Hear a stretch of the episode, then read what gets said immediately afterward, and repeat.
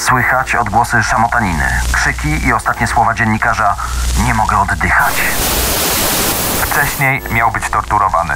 Zwłoki dziennikarza miały zostać wrzucone do kwasu, a jego szczątki ukryte. Sceny zbrodni w RMFFM. Dobry wieczór. Cześć. Wracamy Jesteśmy. po świętach. No jesteśmy trochę ciężsi. Przegraliśmy te batalie z sernikami, sałatkami, rybami. Jest po prostu więcej scen zbrodni, więcej o 3 kg. Ale powiem wam, że w kontekście dzisiejszego tematu czuję się lekko, bo temat naprawdę z tych, z tych najcięższych. Będziemy mówili o najgłośniejszych przypadkach zabójstw niewygodnych dziennikarzy. Tematy, o których pisali, okazały się dla nich po prostu zabójcze. Spróbujemy wyjaśnić kto, dlaczego i za ile. Zapraszamy.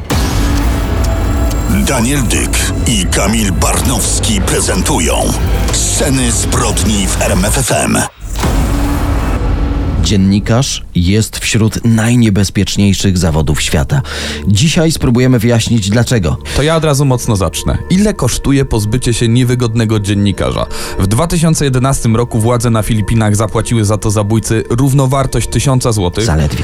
A na przykład zabójstwo dziennikarza na Słowacji w 2018 roku miało kosztować od 200 do 300 tysięcy złotych. Może przytoczę też szokujące dla nas dane Komitetu Ochrony Dziennikarzy, odkąd zaczęto to w ogóle liczyć, czyli od roku 92. Przy pracy lub z powodu pracy zginęło około półtora tysiąca dziennikarzy. Z tego około tysiąc został zamordowany z zemsty za ich publikacje. Żeby było jasne, co roku ginie więcej dziennikarzy niż korespondentów wojennych. Ja też natrafiłem na raport z 2013 roku, który opublikował ONZ i oni podają, że 90% zabójstw dziennikarzy pozostaje niewyjaśnionych. I ten raport podkreśla też, że ofiary to głównie nie reporterzy wojenni, którzy jadą na linię frontu, odwiedzają te najbardziej niebezpieczne miejsca świata. To nie oni przeważają w tych mrocznych statystykach, ale dziennikarze śledczy zajmujący się tropieniem korupcji. Raport UNESCO z kolei wskazuje, że najbardziej niebezpieczne dla dziennikarzy są aktualnie kraje arabskie i o takim najgłośniejszym ostatnio przypadku też powiemy dzisiaj. W ogóle dzisiaj sprawy z ostatnich lat, czyli właśnie zabójstwo w saudyjskiej ambasadzie. Szokujące zabójstwo dziennikarza ze Słowacji, który pisał o powiązaniach tamtejszych polityków z włoską mafią. Także głośna sprawa z Rosji, ale też najbardziej bulwersująca sprawa zabójstwa dziennikarza w Polsce. Już za moment, bo od niej chcemy zacząć o prawdopodobnym morderstwie Jarosława Ziętary.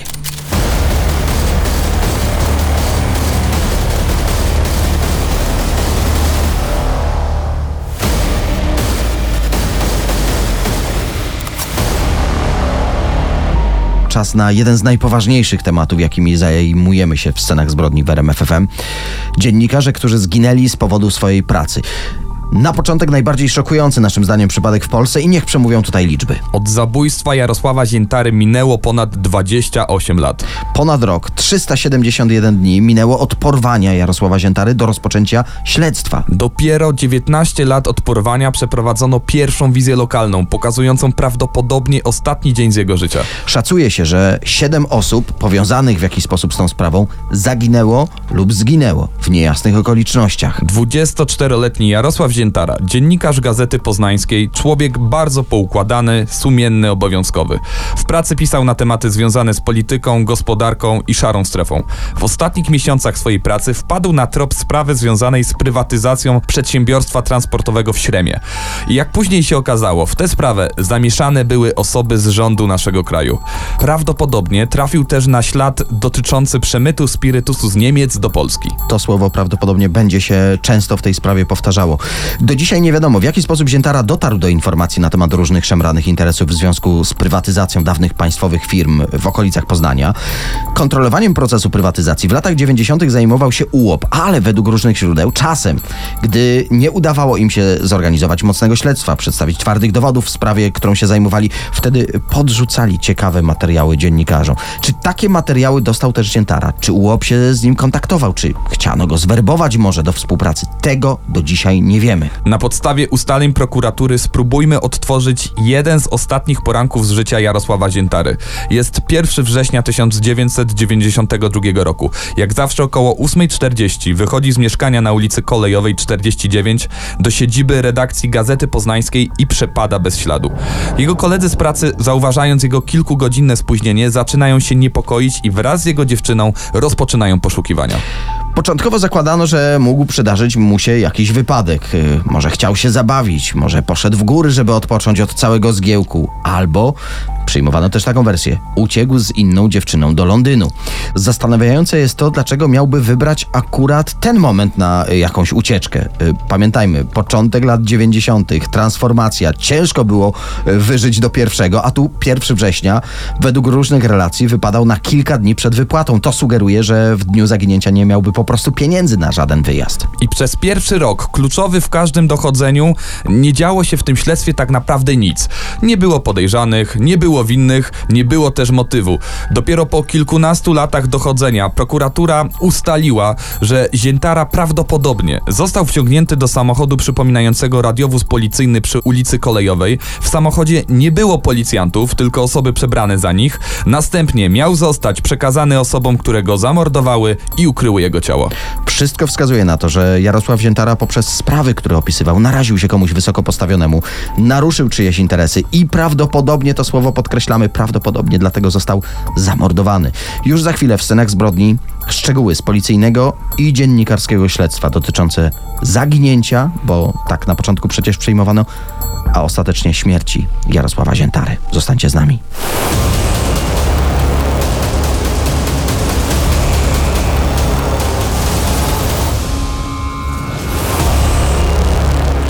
Wracamy do najgłośniejszego przypadku w Polsce. Spróbujemy rzucić trochę światła na e, tajemniczą sprawę porwania, no i prawdopodobnie zabójstwa Jarosława Ziętary. Rok po zaginięciu do dziennikarzy śledczych dociera kartka pocztowa z nazwiskami osób, które mają podobno wiedzieć, co się z nim stało.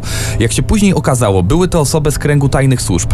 I tutaj pytanie, kto był nadawcą tej wiadomości? Czy ten trop był prawdziwy? Tego, jak większości w tej sprawie, nie wiemy. Uwagę śledczych zwrócił też fakt, że z mieszkania Ziętary i jego redakcyjnego biurka w nieznanych okolicznościach zniknęły wszystkie notatki, dyskietki i rękopisy. Śledztwo z braku mocnych dowodów było co chwilę umarzane, wznawiane. Aż w 98 roku świadek incognito, były oficer służb specjalnych wskazuje mordercę Ziętary, osoby, które go uprowadziły i miejsce, w którym ciało miało zostać ukryte. Była to duża łąka pod Poznaniem, ale mimo żmudnych, e, mimo szczegółowych poszukiwań ciała Ziętary nie odnaleziono. Dlatego osobie, którą świadek incognito wskazał jako mordercę dziennikarza, nie przedstawiono żadnych zarzutów. W międzyczasie rozpoczęto drugie śledztwo, które też z braku mocnych dowodów zostało umorzone. I uwaga, pod koniec listopada tego roku, 2019, prokuratura umorzyła po raz trzeci śledztwo dotyczące zabójstwa Ziętary z powodu niewykrycia sprawców. I tutaj cytuję dział prasowy prokuratury krajowej. Mimo umorzenia postępowanie to pozostaje w zainteresowaniu prokuratury i w sprawie nadal wykonywane są czynności mające na celu ujawnienie nowych źródeł dowodowych. Ale na tym nie koniec, bo według informacji, do których dotarłem, aktualnie toczą się dwa odrębne procesy dotyczące Ziętary.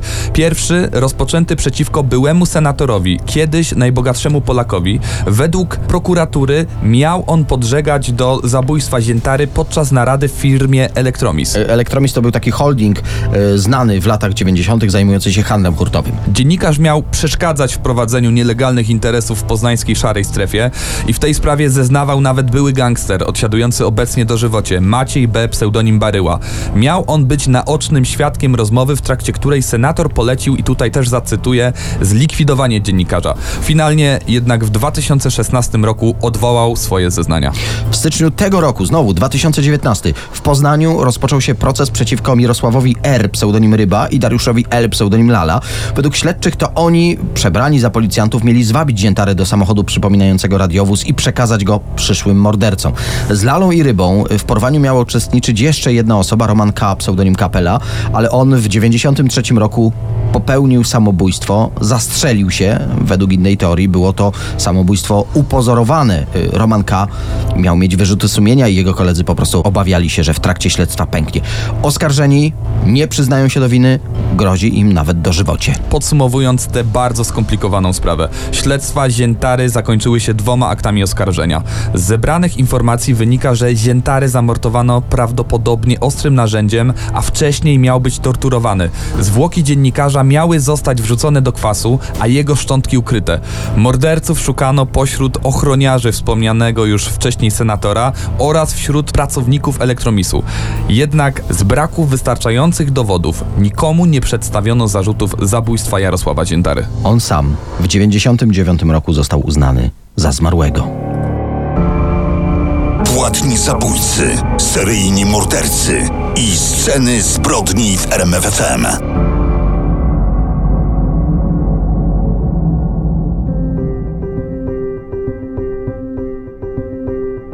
2 października 2018 roku popołudnie.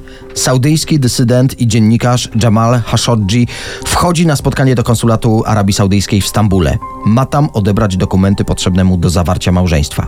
Konsulatu nigdy nie opuścił. Kim był Jamal Khashoggi? Znany m.in. z wywiadu, jaki przeprowadził z Osamą Bin Ladenem. Jego profil na Twitterze obserwowało ponad półtora miliona osób.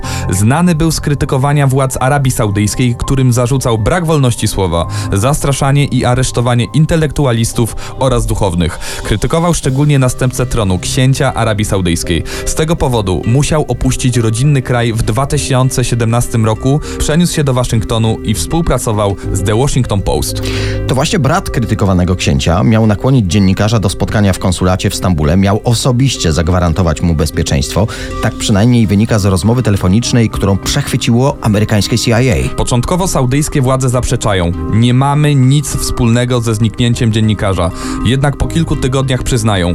Zginął on w wyniku bójki. I wówczas amerykańska stacja CNN dotarła do nagrań audio z konsulatu. Wynika z nich, że dziennikarz był brutalnie torturowany, przesłuchiwany, aż w końcu ścięty. Jego ciało poćwiartowało komando zabójców przysłane specjalnie w tym celu z Riyadu. Później prawdopodobnie jego ciało zostało rozpuszczone w kwasie. Jak tylko dziennikarz wszedł do środka, e, słychać na nagraniu, ktoś mówi do niego: Jedziesz do domu. Zaprotestował: Nie możecie tego zrobić. Ludzie czekają na zewnątrz. Słychać odgłosy szamotaniny, krzyki i ostatnie słowa dziennikarza: Nie mogę oddychać.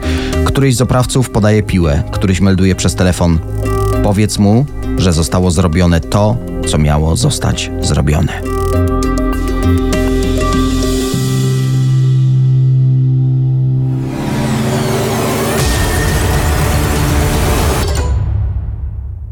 Sceny zbrodni w radiu RMFFM. Dzisiaj dziennikarze i tematy, o których pisali, które okazały się dla nich wyrokiem śmierci, ale to nie sąd ten wyrok wydał. Przed nami jeszcze sprawy morderstw dziennikarzy w Rosji, na Malcie i Słowacji. Ja zapraszam, zostańcie z nami.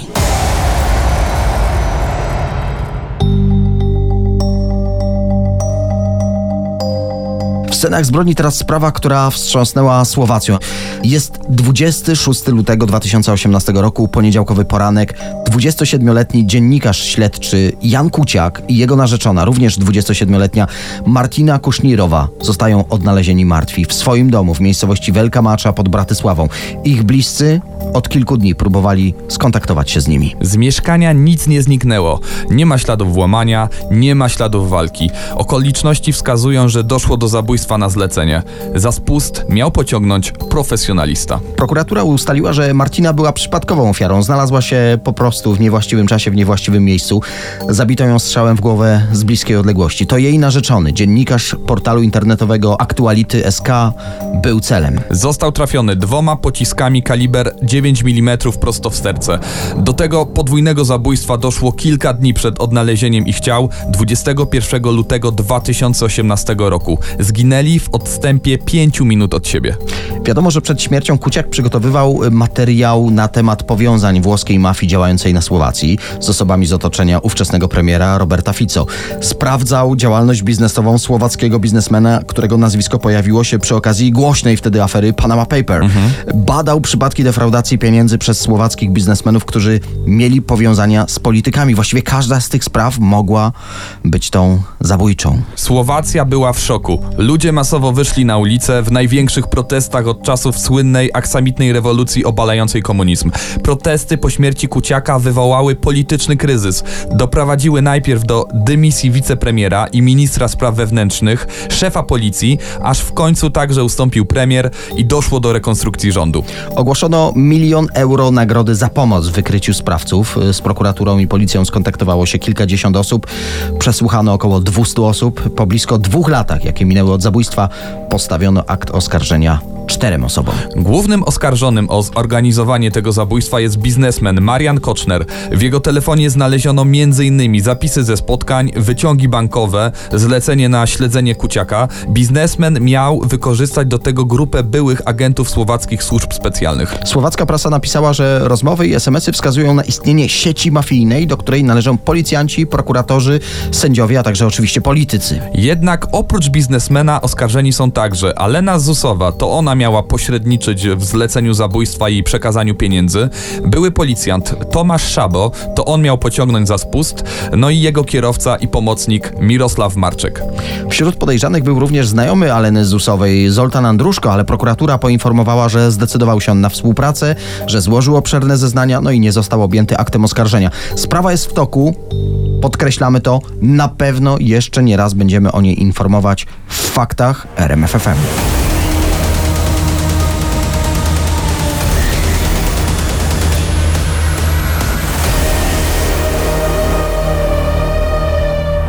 Tym razem Malta.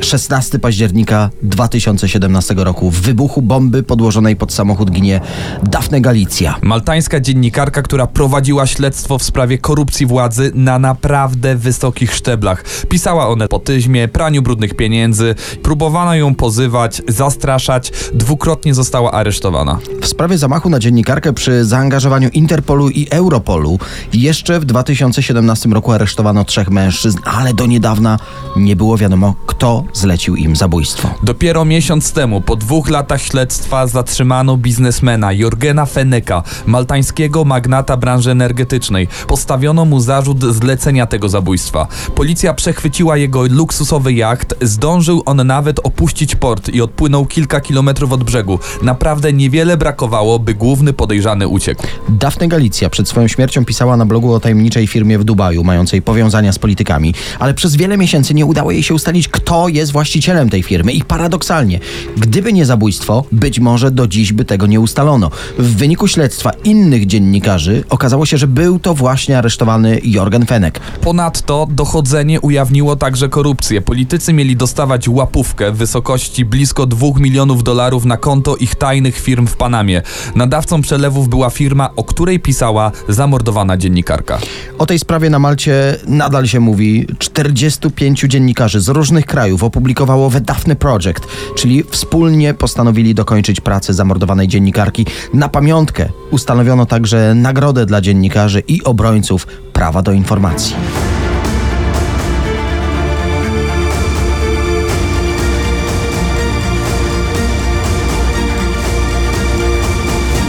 Tym razem 7 października 2006 roku do windy w swoim bloku przy ulicy Leśnej w Moskwie wsiada jak każdego dnia Anna Politkowska, niezależna rosyjska dziennikarka. Pada strzał, którego echo niesie się na klatce schodowej. Koło jej ciała leżą dymiące łuski i pistolet, który porzucił zabójca. Annie Politkowskiej kilkakrotnie grożono śmiercią. Miała opinię dziennikarki niepokornej i antykreblowskiej. Już w 1999 roku jako korespondentka pojechała na drugą wojnę w Czeczenii. Relacjonowała mordy, tortury cywilów, łamanie praw człowieka. Nie bała się krytykować ani polityki Władimira Putina, ani prorosyjskiego przywódcy Czeczenii Ramzana Kadyrowa. Z Kaukazem mocno związała się emocjonalnie, często tam wracała. Jej relacje stamtąd cały dziennikarski świat uznawał za te najbardziej wiarygodne. Gdy pod koniec października 2002 roku czeczeńscy bojownicy zaatakowali moskiewski teatr na Dubrowce, to ona próbowała z nimi negocjować. Gdy terroryści zaatakowali szkołę w Biesłanie, też bardzo głośna sprawa, również miała z nimi y, rozmawiać, ale dziwnie zasłabła w samolocie, podejrzewała i mówiła o tym głośno, że rosyjskie służby podały jej truciznę w herbacie. Wróćmy do dnia zabójstwa tej dziennikarki. Za jej zamordowanie zamordowanie skazano Dimitrija Pawluczenkowa. To właśnie były podpułkownik policji miał przyjąć zlecenie zabójstwa i zatrudnić wykonawców. Początkowo go uniewinniono, ale po zeznaniach świadka miał przyznać się do winy. No właśnie, sądzono go w trybie specjalnym. Nie badano dowodów, nie przesłuchiwano kolejnych świadków. Po prostu otrzymał wyrok i to najniższy możliwy za e, taką zbrodnię. Odsiaduje 11 lat kolonii karnej i być może byłby już dzisiaj na wolności, ale właśnie odrzucono jego wniosek o skrócenie kary. Za to na wysokie wyroki skazano naprawdę zabójczą rodzinkę. Rustam Mahmudow, jego dwaj bracia i dalszy krewny. Dwójka bezpośrednio zaangażowana w morderstwo dostała dożywocie, a pozostali zostali skazani na kolonię karną. No właśnie, chociaż skazano morderców Anny Politkowskiej, to w wielu opozycyjnych rosyjskich gazetach, także w internetowych artykułach pojawiają się sugestie, zresztą podobnie jak w przypadku e, innych zagadkowych śmierci rosyjskich dziennikarzy. Ja może zacytuję: Tropy w tej sprawie prowadzą na Kreml.